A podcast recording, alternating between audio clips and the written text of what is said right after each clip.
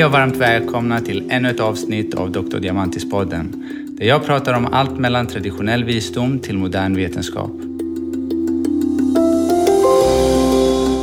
I dagens avsnitt så kommer jag ha en patient med mig här som kommer berätta lite hennes upplevelse av hur det varit att komma till mig. Så jag vill varmt tacka vad vi kallar idag för Leila.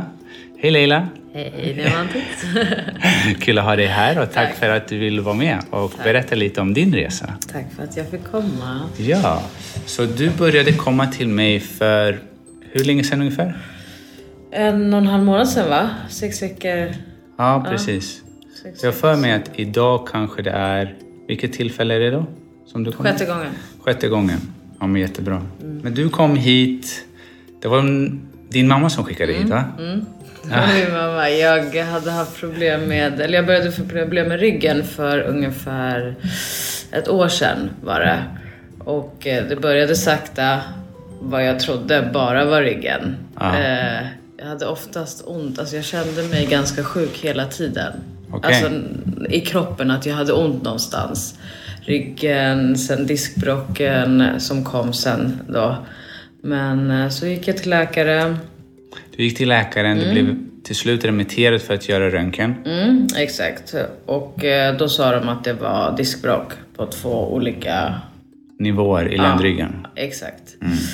Så då började jag gå till en sjukgymnast. Och eh, mamma bara, nej men jag känner en kille, gå till eh, Diamantis. Så jag tänkte så okej men det är säkert någon jag bara ska gå hem till, någon som hon har hittat. Så kom jag hit och då så började jag prata med dig. Ja, så du kom ju in och eh, från första början så kände jag av att det fanns mycket mer eh, i ditt bagage, i, ditt, i din historia än bara ryggen. Och jag såg eh, att du, var, du kom hit och man såg på att du trodde du kom till någon form av sjukgymnast, naprapat. Du skulle lägga dig, vi skulle börja klämma på din rygg, göra en behandling och hej då. Lite knäcka. Ja, precis. Men det blev inte riktigt så. Nej, verkligen inte. Utan kanske var en av de sjukaste upplevelserna i mitt liv. Utan jag, jag, jag gick härifrån gråtande. Så när mina vänner bara, vad har hänt? Fick berätta, hur gick det? Så gick det inte att förklara. För att jag, det verkligen chockade mig helt. Utan när, du, alltså när jag kom hit och började prata med dig. För det första så visste inte ens jag att jag skulle prata med dig. Ja. Utan så började vi prata och det var som att du liksom såg in i mig. Alltså att du verkligen visste allting jag hade gått igenom. Bara på att typ känna min puls eller bara se mig. Ja. Det vackra med vårt första möte tycker jag är just att du förväntade dig ingenting. Du visste inte vad du skulle förvänta dig. Annars är det ofta, okej, någon refererat eh, från någon kompis som har varit här och då är det så här, okej, de har berättat lite, min bakgrund, vad jag gör. Men hos dig, det var helt blankt. det var som ett vitt A4-papper. Ja. Jag tänkte bara nu ska han knäcka min rygg och sen så kommer jag känna mig bra i en vecka, två. Ja. Men eh, det var ju större problem, eller jag visste väl att jag hade de problemen jag hade med min psykiska ohälsa på det sättet och hur jag tänkte och hur jag mådde Ja, med ja. saker och ting. Eh, som, men jag visste inte att det var det som skadade min kropp så pass mycket. Precis. Och det är inte många som gör den kopplingen heller. För att eh, vi får ju inga sådana indikationer från när vi går till, ja men från när vi är små.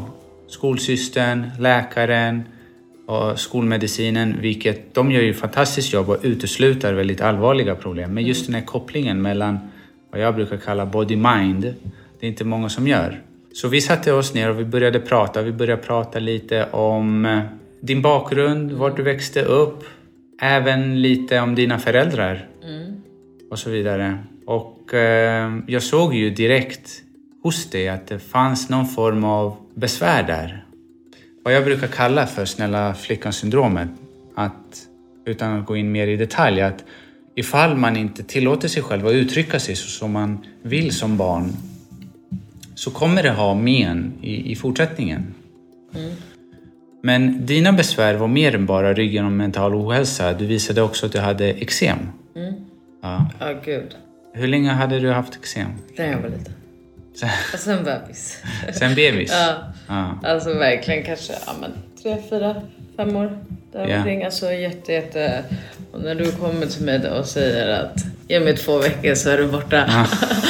och jag har då gått på all sorts med, alltså medicin och då har jag varit hos Sofia hemmet och badat i så svart badkars Alltså speciellt vatten för att rensa huden, gått på starka krämer och alltihopa som har gjort mig pigmentförändringar och Ja.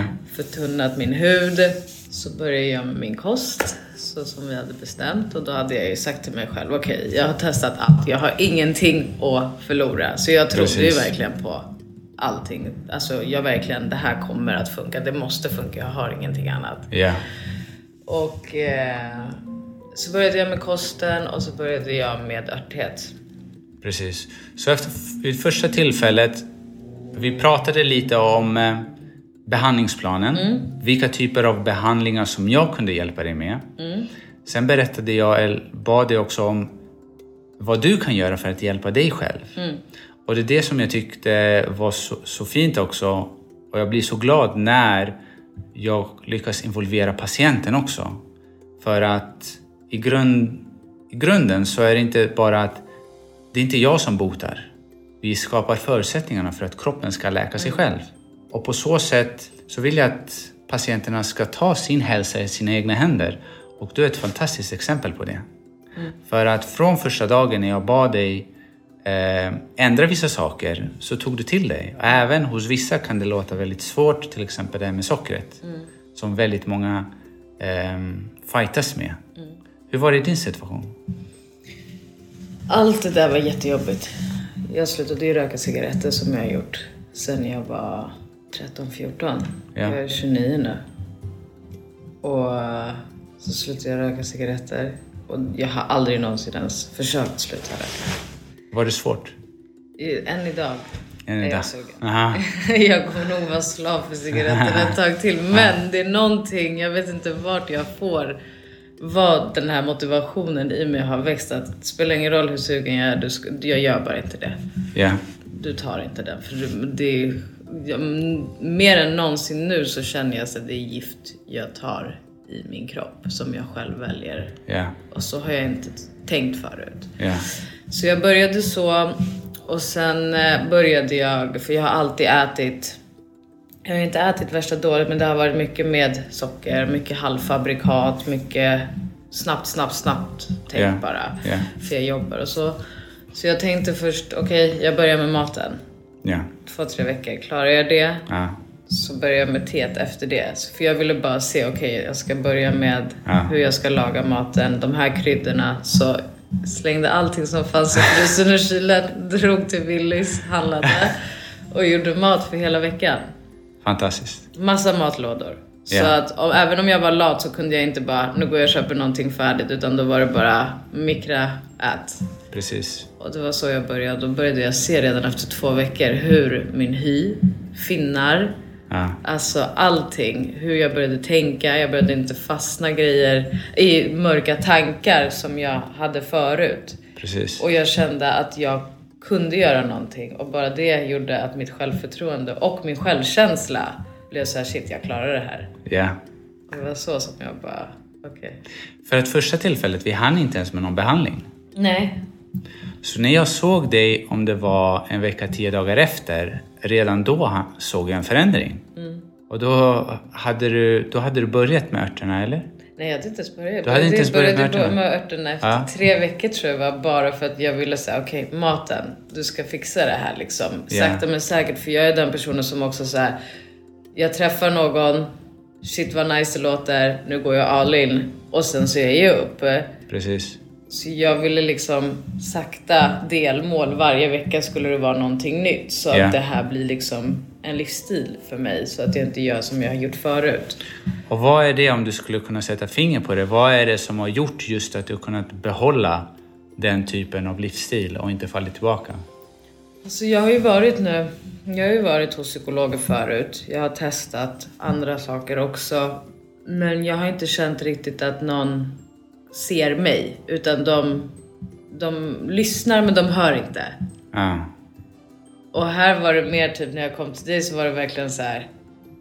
Han hör mig, han ser mig, han vet. Ja. Jag frågade ju även dig först om att du har pratat med min mamma. Ja. Vet du allt det här? Så bara det kändes så här, äh, okej. Om han till och med ser hur jag mår så måste jag, ja. jag måste fixa det här nu. Och vad var det som gjorde, om du minns då, att tårarna kom? Jag har ingen aning. Vet inte vad kommer ah. men jag tror det var för att jag, jag blev så chockad att du, du satte ord på känslor som jag hade inom mig. Ja. Som jag själv inte vågade sätta ord på. Okay. För det var för pinsamt eller det var för skämmigt eller det var eller alltså jag brukar alltid lägga upp liksom en frontfigur att okej okay, skratta hit och dit, jag orkar inte prata om det eller jag vill inte prata om det. Precis. Och sen att någon annan kunde se det var mer så här, oj nu har det gått för långt. Ja. Och hur kändes det efter bara samtalet? Ja, oh, gud. Jag gick hem, jag hade feber tror jag hela dagen. Hela dagen. jag smsade det, det är så här det ska kännas. Jag kände mig helt, alltså jag var tom. Tom. Jag hade inte en enda känsla i kroppen. Yeah. Alltså jag var mer så här. Jag var som ett, bara ett skal. Jag hade ingenting, jag tänkte inte någonting dåligt, jag tänkte ingenting bra, jag tänkte ingenting. Alltså jag, var, jag bara var. Uh. Jag var så trött. Uh. Alltså jag var så trött, uh. så törstig kommer jag ihåg. och nej, jag vet inte. Jag bara låg där och jag var så trött, jag bara sov hela natten. Folk frågade, alltså mina vänner kom över och bara, men berätta då. Och jag bara, jag bara låg där på golvet helt, helt död. Men, ja. ja men dagen efter, då vaknade jag upp 20 kilo lättare. Skönt. Ja. Det var som att någon hade lyft en massa stenar från mina axlar. Ja. Och vad jag har hört också är att med din förändring så har många i din omkrets, mm. utan att du har predikat, mm. så har de börjat ta efter och börjat förändras. Mm. mm verkligen. Alltså vi... Så jag tror att det blir ju så. Alltså, vi levde ju inte så hälsosamt. Det var väldigt destruktivt. Eh, och jag tror att matar man på med negativ energi hela tiden så mår ju inte någon i ens omgivning så bra. Så nu har det ju varit absolut mindre kött, mindre, alltså mer vegetariskt. Hur lagar du maten? Kan du skicka recept? Vi går ut och går. Vi pratar om att man ska läsa någon bok, någon ljudbok. Alltså mycket, mycket mer sånt ja. än vad det var förut. Så det är mycket roligare att vara med varandra också för man märker, man ser den här, det tänder till ögonen. Ja gnistan av, ja. av liv. Så härligt. Jag är så otroligt glad för, för din skull och för alla andras skull som kommer hit och har behövt se saker och ting lite på annorlunda sätt och att möjligheterna finns. Mm. Att det är inte att man det är inte så att man hör om den personen som gick till någon och någonting magiskt hände och så blev de bra. Att det är möjligt hos alla. Mm. Ifall man är redo att göra det som krävs. Om man verkligen vill. Det är det. Exakt. Och ibland behöver man kanske bara stöta på någon. behöver inte alltid vara... Självklart psykologer, läkare, alla är jättebra men ibland kanske man behöver bara någon som ser en. Precis. Och hör dig. Precis. Så hur mår du idag? Jag mår så mycket bättre. Natt och dag. Om vi säger så här, om vi tar en sak i taget. Din smärta i ryggen. Alltså, det går inte ens att jämföra. Den kommer fortfarande tillbaka någon gång, alltså i, kanske vid eh, när jag har eh, min ägglossning så kommer det otroligt, otroligt, alltså hanterbart verkligen. Men yeah. jag har ju mina övningar och går jag ut och går och tränar så går det över. Så det är inte ens i närheten, alltså så mycket bättre. Jag kan inte ens klaga på ryggen på det sättet. Okay. Som jag gjorde innan. Men eh, jag måste ju alltid, varje dag, gå ut och gå eller träna. Yeah. För att hålla igång den. Uh, ja, och hur är det med dina eksem? Helt borta. Helt borta. hur, hur många år hade du? Vad sa du? Hur många år hade du eksem? Jag är 29 nu så jag var, vi säger fem. Sen, sen fem år gammal? Och jag har ju som, nu kan ju inte folk se, men jag har ju pigmentförändringar från all kräm och sånt som jag har men... Ja. Och vart eh, hade du eksemen främst då? Eh, det var vid eh, skinkan vid benet här. Ja. Eh, sen hade jag vid armarna, armvecken, halsen, eh, magen, knävecken, ibland även ansiktet. ja. Och nu ingenstans. Ingenstans. Så glad för din skull. Mm. Hur tycker du eh, det mentala har förändrats? Oj. Det här är nog den största förändringen tror jag. Ja. Alltså, det jag tror att det är därför att även när jag känner ryggen nu, ibland, vilket jag kanske känner hela mitt liv, eh, men den lilla smärtan så som jag mådde då hade nog varit 70 gånger värre. Eh, Men nu kan jag, alltså förut, alltså det, jag orkar vakna på morgonen. Jag orkar fixa mig. Jag vill göra saker och ting. Även om jag någon gång hamnar i mörka tankar eller att jag känner så här, oj vad jobbigt allting är.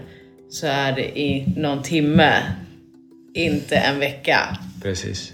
Och jag låter den komma och sen så försöker jag liksom hitta saker och ting. Okej, nu kan jag inte prata med den personen. Eller nu vill jag inte vara i den här omgivningen. Var ensam, gör det här, gör någonting annat. Har vänner och familj i din omgivning sett, känt av denna förändringen? Ja, det har de. Verkligen. Vad är det oftast du brukar höra?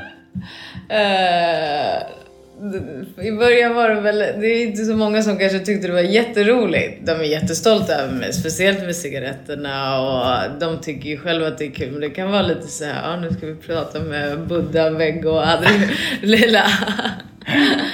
Så då driver de lite. Men eh, nej, de tycker det är helt, de är jättechockade. De bara, hur? Från att du var så destruktiv till det här. Ja. Det, det är en helt annorlunda, alltså en helt annan människa. Så kul att höra. Och berätta nu, nu kommer det ske några förändringar nu över sommaren. Vad ska du göra? Jag ska börja plugga. Bra, grattis! Tack, tack. Ja. Eh, Jag är ju inte världens största fan av förändringar men av någon konstig anledning så är det som min kropp bara flyger fram och jag försöker stoppa men det går inte. Jag ska hyra ut min lägenhet, eh, börja plugga, flytta närmare stan så jag har närmare skolan. Eh, Plugga till förskolepedagog Bra, för att grattis! sen bli specialpedagog. Hjälpa barn som har det jobbigare. Kan inte skriva, läsa. Fantastiskt. ADHD och sådana saker. Vad kul! Ja, Åh, jag är så glad för din skull. ja, jag också. Ja. Bra. Och tusen tack för att du tog din tid och eh, ville dela med dig din resa. Ingen fara, tack för att du gav mig en spark. Ja, Där bak för att ta tag i allt. bra. Då så, det var allt för idag. Och eh, vill du få lite gratis tips och råd gällande hälsan så är du varmt välkommen att följa Dr. Diamantis på Instagram. Ha det så bra och så syns vi nästa tillfälle. Hej då!